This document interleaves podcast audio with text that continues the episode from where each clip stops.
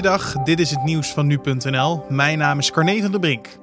Onder meer via de hashtag 4 dagen extra trok critici op Twitter het voornemen van het kabinet om dinsdag nieuwe coronamaatregelen te overwegen in twijfel.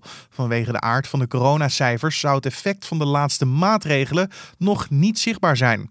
Opiniepeiler Maurice de Hond schreef erover op zijn website dat de cijfers van het RIVM achterliggen. Een deel van de positieve test die het RIVM op een dag meldt, zijn vanwege de verwerkingstijd soms één of meerdere dagen geleden vastgesteld door de GGD's.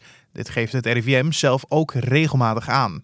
Een woordvoerder van het RIVM zei al dat het niet mogelijk is om op basis van het aantal nieuwe positieve testen van dit weekend uitspraken te doen over het succes van de maatregelen van twee weken geleden. De Braziliaanse politie is op zoek naar een van de grootste criminele kopstukken van het land.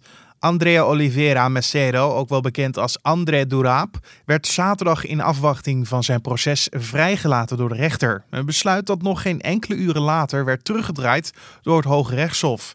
Macedo is een voorstaand lid van de beruchte bende Primera Comanda da Capital. De organisatie wordt onder meer verantwoordelijk gehouden voor aanslagen op de politie, overheidsgebouwen, banken en bussen, voor gewelddadige overvallen en drugshandel. In Nederlandse sloten, rivieren, plassen en meren komt per jaar zeker 190 ton aan medicijnresten terecht. Dat blijkt uit een rapport van het RIVM en onderzoeksinstituut Deltares, ingezien door Trouw. Dat is flink meer dan uit een eerder onderzoek bleek. In 2016 schatten de instituten de hoeveelheid medicijnresten in het Nederlandse oppervlaktewater op 140 ton per jaar. Dat deze hoeveelheid is gestegen komt niet omdat er wezenlijk meer medicijnen worden gebruikt, zegt Caroline Moermond van het RIVM tegen Trouw. Maar er is meer gemeten, dus ze hebben meer gegevens over normoverschrijdingen. Het Nederlands elftal heeft zondag ook in de tweede wedstrijd onder bondscoach Frank de Boer teleurgesteld. De Nations League-wedstrijd in en tegen Bosnië-Herzegovina eindigde in 0-0. Oranje, dat het tijdperk de Boer woensdag was begonnen met een 0-1 oefennederlaag tegen Mexico, speelde nu ook weinig klaar tegen het eh, verdedigend ingestelde thuisland.